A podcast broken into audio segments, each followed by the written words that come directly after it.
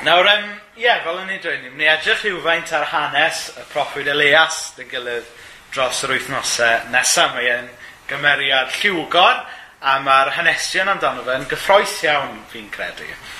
Um, chybach o gyflwyniad am Elias i ddechrau. Um, I ni ddim yn gwybod lot am Elias. Mae'r mae Beibl sydd wedi mynd syth mewn i'r hanes amdano fe heb roed lot o gyflwyniad iddo fe. Um, I ni'n gwybod bod e'n thesbiad, hynny yw, nid thesbian fel actor, nid um, lle oedd um, thisbe yn gilead, sef ardal o ogledd o'r llewn gwlad yr Iorddonen. Um, a ni'n gwybod beth yw ystyr i enw fe hefyd. Ystyr um, Elias oedd Iawe sydd ddew. Maen nhw'n dweud bod, bod gwybod ystyr eich enw chi yn bwysig. Ges i, ges i yna enwi um, ar ôl yr arglwydd Rhys o Ddynefwr, oedd yn frenin y deheubarth yn credu, oedd? So, fi di landio fan hyn yn y gogledd nawr i drechu y gogledd yna. Um, ond mae gwybod beth yw ystyr enw yn bwysig, ac ystyr y leas oedd iawe sydd ddew. Felly, os nag yn i'n gwybod dim byd arall amdano fe, mae mae, mae yna wers fyna yn does yn ystyr i enw fe. Nawr, i ni'n gwybod bod yn broffwyd.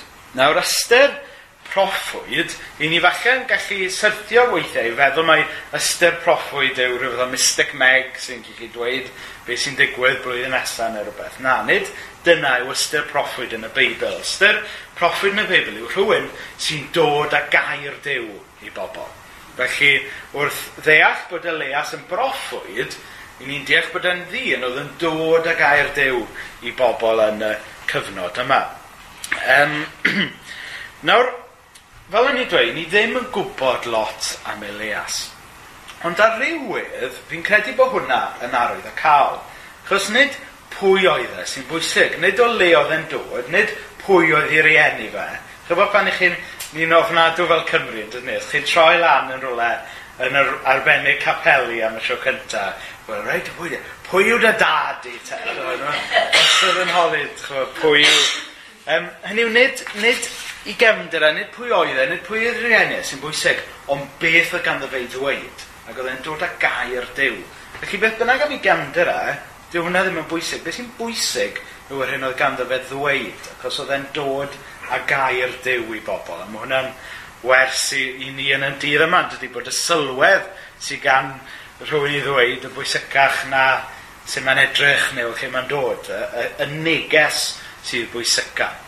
Felly dyna yw'r beth i ni ganolbwyntio arno gan Elias. Beth oedd hi neges e? Achos oedd yn ddyn oedd yn dod a gair dew i bobl. Nawr, ni'n gwybod, er bod ni'n gwybod lot am Elias, ni'n gwybod mwy am gefndir y cyfnod oedd e'n byw yn fe. Oedd e'n byw mewn cyfnod pan oedd na densiwn rhwng y rhai fel Elias oedd yn addoli Iawe, y diw Byw, Ac ar y llaw arall, pobl oedd yn addoli bal, sef un o'r diwiau paganaidd ar y pryd.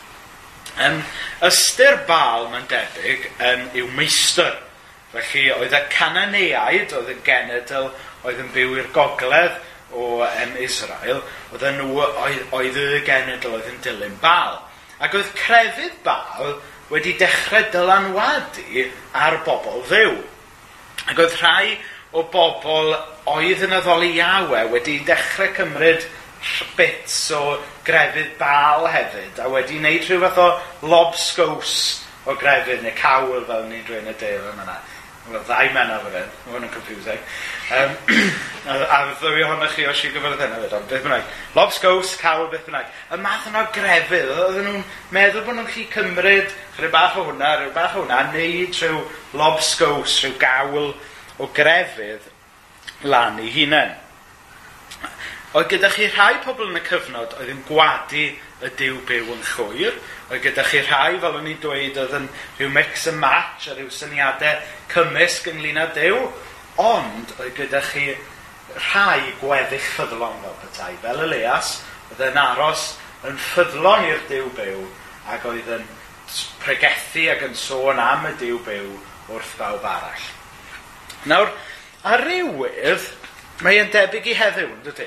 Nawr, mae yna emyn cyfoes i gael, um, rhain y diw dyddiau Elias, y datgarn yn glir air yr ior, rhain y diw dyddiau swas ffyddlon Moses yn adfer cyfiawnder i'r tir, ac er mae dydd prawf welwn heddiw, dydd newyn a ffychwch a chledd, na ni ydyw'r llef o'r dyffeithwch galwn o paratewch lwybrau yr ior.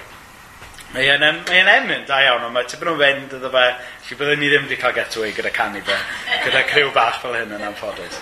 Ond, um, ond mae mae'n rhyw emyn sy'n awgrymu ar ambell i lefel bod y math o fyd i ni'n byw yn fe heddi, y math o gymdeithas i ni'n byw yn fe heddi, yn debyg i lot o bethau oedd y leas a pobl yn dilyn y gwir o ddew bryd hynny yn ei wynebu hefyd. Um, achos, fel yng nghyfnod Elias, i ni'n byw mewn oes lle mae rhai yn gwadu Dyw yn chwyr. Um, mae yna rai wedyn yn credu mewn un gwirionedd ymysg y gwirioneddau, yn does? Um, chybod, mae yn fwy enwog am album y Manic Street Preachers. This is my truth, tell me yours. Mae'n yw'n wneud pobl iawn fi, fi'n credu yn hyn, a chdi credu hynna, a bod pawb yn meddwl rhyw syniadau gwahanol. Ond wrth gwrs, fel yn cyfnod y leas, mae yna rai yn aros yn ffyddlon i Esu Grist, a dal i bregethu mae, mae Crist yw y ffordd y gwirionedd a'r bywyd. A, a'n gweddi ni yw yn bod ni yn y garfan yna fel petai, yn y, yn y byd cymysg yma i ni byw yn ddefa heddi, bod ni'n parhau yn ffyddlon i Esu Grist ac yn rhannu am Iesu Grist wrth bobl eraill. Nawr, ni'n dweud hwnna am y Manic Street Preachers a This is my truth, tell me yours. Ond nid dim ond pobl ifanc sy'n credu rhyw syniadau fel hyn. Nawr, un o deitle um, brenin neu brenhines Lloegr yn draddodiadol yw Defender of the Faith, ynddo fe? Nawr, chydig flynyddoedd yn ôl, um, cyhoeddodd y tywysog Siarl pan fydde fe'n dod yn frenin, bydde fe'n newid y teitl o fod yn Defender of the Faith i fod yn Defender of Faith. A mae'n newid cynnil, ond mae'n newid arwydd y cael yn dydy, newid o Defender of the Faith i Defender of Faith. A rhyw fath o shift fel un oedd yn digwydd yng nghyfnod Elias. Oedd pobl wedi bod yn um, credu yn y gwir ddew Ond nawr mae'r busnes crefydd bal a'r crefyddau paganaidd yma'n dod mewn a mae pobl yn ffydro fel petai. Mae pobl oedd yn glir yn ei meddwl yn dilyn y gwir ddew, nawr wedi mynd yn gymysg ynglyn â be maen nhw'n credu, lle maen nhw'n rhoi eu ffydd ac ar ba sylfaen o'n nhw'n adeiladu i bywydau. Felly dyna rhywfaint o gefndir y cyfnod a, a trio dangos gobeithio bod, bod e'n debyg ar ar ambell i lefel i'r math o gymdeithas, math o syniadau i ni'n gwynebu heddiw. Nawr, um, heno i'n dod at hanes um, leas ar weddw yn Seraffath. Nawr, um, mae'r hanes yn dechrau, fel ych chi'n gweld yn adnod un, gyda Elias yn dod um, wyneb yn wyneb gyda'r Brenin Ahab. Nawr, oedd Brenin Ahab yn ddyn oedd yn dilyn bal. Dyna oedd ei ddiwedd. Ac oedd bal, um, sorry, oedd Ahab a dilynwyr eraill bal yn credu mai bal oedd dew y glaw a'r cynheiaf, oce? Okay? Hynny yw, ar y pryd oedd gyda nhw lot o ddiwiau ac o'n nhw'n credu bod un dew yn ei hyn, un dew yn ei llall. Ac o'n nhw'n credu mai y bal dan sylw fan hyn oedd dew y glaw a'r cynheiaf. Felly mae eitha cheeky ar rywydd be mae um, y leias yn gwneud. Mae e'n troi lan ym halas y brehen Ahab a dweud, reit, efo y ddiw di, ti'n mel sy'n siarad o'r glaw, dwi'n deud wrtho ti, na fydd y glaw. A chi chi dychmygu Ahab fel, tywed, bod e eitha taken back gyda'r gyda newyddion yma. Pwy mae'r Elias yma meddwl yw e, chi'n gwybod. Ond wrth gwrs, be mae Elias yn neud fan hyn, yw mae yn dod â gair dew i Ahab, er bod y gair yna mynd i gael ei dderbyn falle yn amhoblogedd. A mae'r un peth yn wir heddiw, yn dydy? Hynny yw, mae yna gyfrifoldeb arno ni fel Eglwys Iesu Grist i ddweud y gwir, i dystio'r gwir am Iesu Grist, hyd yn oed os nag yw e y neges falle mae pobl eisiau clywed, hyd yn oed os na fydd e'n cael ei dderbyn yn boblogaidd ym mhob cilch. Ni'n wneud bod yn boblogaidd yw yn rôl ni, um, ond dweud y gwir, dweud y gwirionedd am Iesu Grist, a dwi'n pregethu hyn i fi fy hun gymaint o neb arall. Mae mor hawdd yn dydy. Nid dweud celwydd am Iesu Grist, ond falle ddim dweud y stori gyd, chi'n gwybod. Dal nôl falle, achos bod chi ddim eisiau offendio, achos bod chi ddim eisiau pechu fel petai. Hynny yw, rhyw pechu pobl, dyd? Ie. Ond o'n i'n gweld yn yna, fel eas, ddim yn dal dim un o'r yma. Martio syth lan at aha, mae'n dweud, ei, ti'n meddwl bod y ddew di yn charge o'r glaw, wel dwi'n eitha ti na fi'r glaw, achos mae'r dew, mae'r dew byw wedi dweud hynny. Felly dyna sy'n dod, maen nhw'n profi cyfnod wedyn lle nad oes glaw. Ac, ac wedyn, mae'n ddiddorol nawr adnod 4, 5 a 6 fi di newid lliw fan hyn. Ceuyfed o'r nant a pharaf i gigfran dy borthu yno. Aeth yntau a e gwneud yn ôl gair yr arglwydd, ac aros y nant cereth i'r dwyrain o'r ioddonen. Bore a hwyr, doi cigfran a bara a chig iddo ac yfau o'r nant. Felly, beth sydd gyda ni fan yna? Rhyw cyfnod o sychder, cyfnod o newyn, oedd hi'n gyfnod anodd. Ond yng nghanol y cyfnod anodd yma, i ni'n deall o'r tri adnod yma bod Dyw wedi cynnal y Elias. Hynny yw, drwy brofiadau anodd, drwy gyfnod anodd yn y wlad, mae Dyw wedi cynnal y Elias. A mae hwnna'n dysgu gwers i ni ynglyn â sut un yw y Dyw byw. Mae'r Dyw byw yn cynnal ni yn ymarferol, ond hefyd ac yn fwyaf pwysig falle, mae Dyw yn cynnal ni yn ysbrydol. Ac yn fwyaf pwysig, mae e'n cynnal ni yn ysbrydol ac yn ymarferol drwy amseroedd anodd, yn dyfa. Hynny yw, oedd Elias yn profi rhywbeth anodd fan hyn, cyfnod lle doedd, lle oedd na newyn, lle oedd na brawf, a mae Dyw yn ei gynnal e. A mae hynny'n lle bod nhw'n wir amdano ni, bod Dyw yn gallu'n cynnal ni trwy amseroedd anodd. Nawr, pan i chi yn mynd trwy amser anodd, boed e'n salwch neu, neu beth bynnag, chybod, mae pawb yn cael gwahanol amseroedd anodd. Ar y pryd, falle bod Dyw yn amddangos yn bell. Ond wy'n siŵr bod lot o chi yma heno, o edrych nôl i chi gweld bod Dyw wedi'ch cynnal chi. Chi'n gweld bod Dyw wedi eich tynnu chi drwyddo fe fel petai. A mae'n siŵr mae rhyw deimlad, rhyw brofiadau fel hyn, oedd y leias yn ei brofi fan hyn yn dyfa. Trwy yr amseroedd anodd, mae Dyw yn gofalu amdano fe ac yn ei gynnal fe. Ond mae pob, a y tymor i bopeth. A wedyn adnod saith i ni deall bod Elias nawr yn cael ei alw ymlaen. Ond ymhen amser, sychodd yn ant o ddiffyg glaw yn y wlad, a daeth gair yr arglwydd ato, cod a dos i Seraffath, sydd yn perthyn i Sidon, ac aros yno, wele rwy'n yn peri i wraig weddw yno dy borthu. Nawr, um, Nawr mae Leias nawr yn cael ei alw ymlaen i rhywle anusgwyl. Mae'n cael ei alw ymlaen i'r dref yma Seraphath ac yn benodol i fynd at weddw. Nawr, ar y pryd oedd y gweddwon yn bobl oedd ar y mylon cymdeithas. Roedden nhw'n bobl um, oedd heb ddim byd. O'n nhw pryn yn gallu cynnal eu hunain, heb sôn am gynnal eu teulu, ac yn sicr heb sôn am gynnal rhyw um, New Age Travellers fel Elias a just yn troi lan, chi'n gwybod. Um, ond ond mae'n arwydd y cael fan hyn bod y weddw yma yn rhan o stori dew. A mae gweddwon ar y pryd oedden nhw ar y mylon cymdeithas. Ond pan ni'n edrych ar y Beibl, pan ni'n edrych ar stori dew, maen nhw yna dro ar ôl tro yn dydyn. Oedd Iesu Grist yn treulio amser gyda gweddwon. Hynny yw, mae ma, ma Dyw yn siw dweud rhywbeth wrth ni fan hyn, yn dweud, bod mae Dyw y diddordeb ym mhawb, yn arbennig falle, rhai mae pobl eraill yn tueddu i adael lawr. Pobl, mae rhan, ni'n ni gadael allan fel arfer, ond mae dew a diddordeb defnyddio pawb. Nawr, um, fel o'n i'n dweud, mae, e, mae Elias yn dod o draws y weddw yma, a mae e'n gofyn iddi wneud cacen iddo fe yn y bôn. Ac um, a, mae hwn, mae'n anhygoel, byddai'n ar busnes Elias a'i cupcakes yn dod lan yn aml iawn dros yr wythnosau nesaf, achos mae fan yn penod 11, 20, na, hold on, 19 hefyd lle mae'n teimlo bach lawr a mae'n cael cacen a mae'n teimlo bach o well. Ddewn ni at hwnna mewn pethefnos. Ond mae, mae Leas yn gofyn i weld yma am gacen. Ond mae hi'n dweud wrtho fe, wel drech, dim ond digon o flawd ac olew sydd gyda fi i wneud un pryd arall o fwyd i fi a'n fab a wedyn dyna ni, ni'n mynd i farw o newyn wedyn. Mae Elias yn dweud wrthi, na na, dros di nawr a gnad i gacen i fi a byddwn ni'n iawn.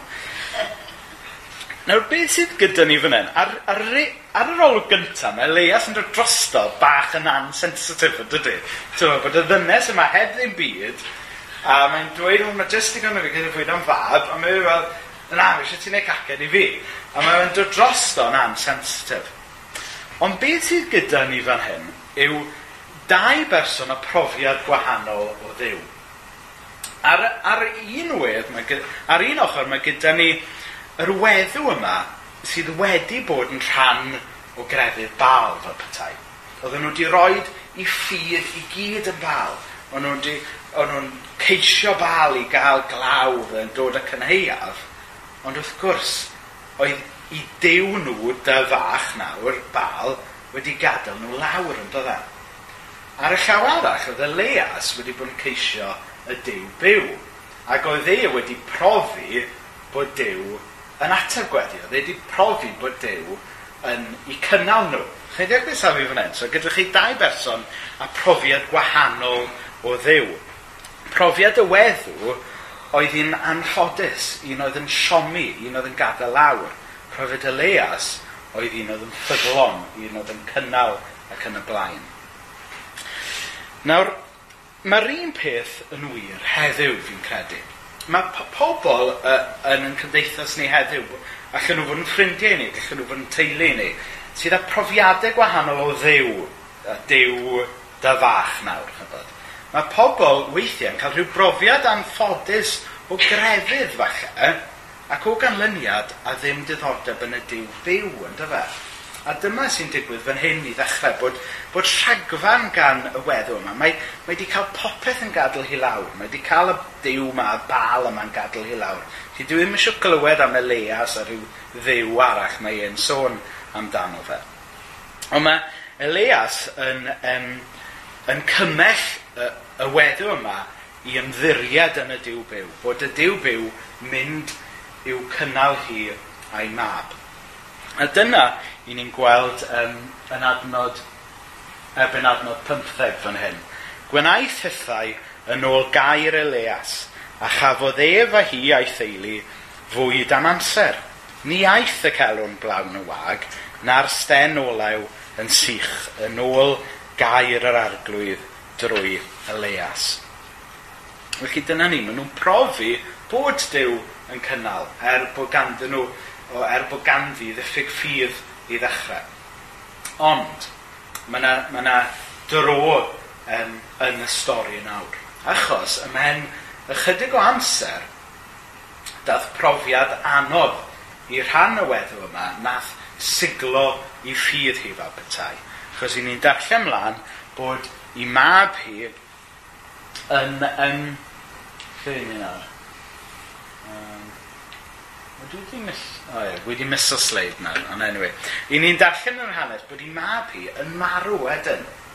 Ac er bod hi wedi rhyw fath o ymddiried yn y diw byw, yn niw y leia sydd ddechrau, mae mab hi'n marw, a wedyn mae ffydd hi'n cael ei siglo. A, a mae'n siŵr bod hwnna'n brofiad mae llawer un ohono ni wedi cael, chbo, pan ni'n cael profiadau mawr bywyd. Mae'n naturiol i'n ffydd ni gael ei brofi. Um, i'n ffydd ni gael ei siglo. Hynny yw, dyna ystyr y gair profedigaeth, ynddo fe, bod, bod yn ffydd ni yn cael ei brofi. A beth sy'n digwydd fan hyn nawr, wrth bod ffydd y wraig yma'n cael ei brofi, mae'n rhoi y bai ar Elias, a mae'n rhoi y bai ar ddew. Mae'n dweud, wel, pam, pam bod yn fab wedi marw, wyt ti a dy ddew Elias wedi dod fan hyn i'n hondemio i, Wyt ti, ydy'n fab i wedi marw oherwydd ymhucho i? Wyt ti wedi dod, a yw dy ddiw di wedi ymarnu Fe dyna'r math o ddiw yw dy ddiw di? Ac wrth gwrs, beth sydd gyda ni unwaith eto fan hyn, oedd bod gan y weddw brofiad o'r bal yma, yn dyfa, oedd wedi gadael hi lawr. Hynny oedd bal yn ddiw pech, oedd yn ddiw fyny, fyny fanna oedd yn ddiw oedd yn ddi gyda pobl, oedd yn ddiw oedd yn barnu pobl. A wedyn mae Leas yn mynd mlaen i ddangos iddi.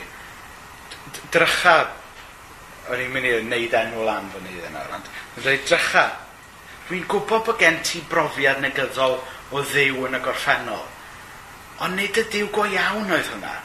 Nid diw go iawn oedd bal. Gad i mi dy gyflwyno di i'r diw go iawn. A mae'r diw go iawn, dyw e ddim yn ddiw sydd yn barnu. Dyw e ddim yn ddiw sy'n cymryd bywyd i ffwrdd, ond mae'r diw go iawn yn ddiw sydd yn rhoi bywyd. A dyna i ni'n gweld yn digwydd wedyn, y adnod 21 ymlaen. Yna ymestynnodd ar y bachgen gair gwaith, y galw ar yr arglwydd a dweud, O arglwydd fy niw, bydde di einioes y bachgen hwn ddod yn ôl iddo.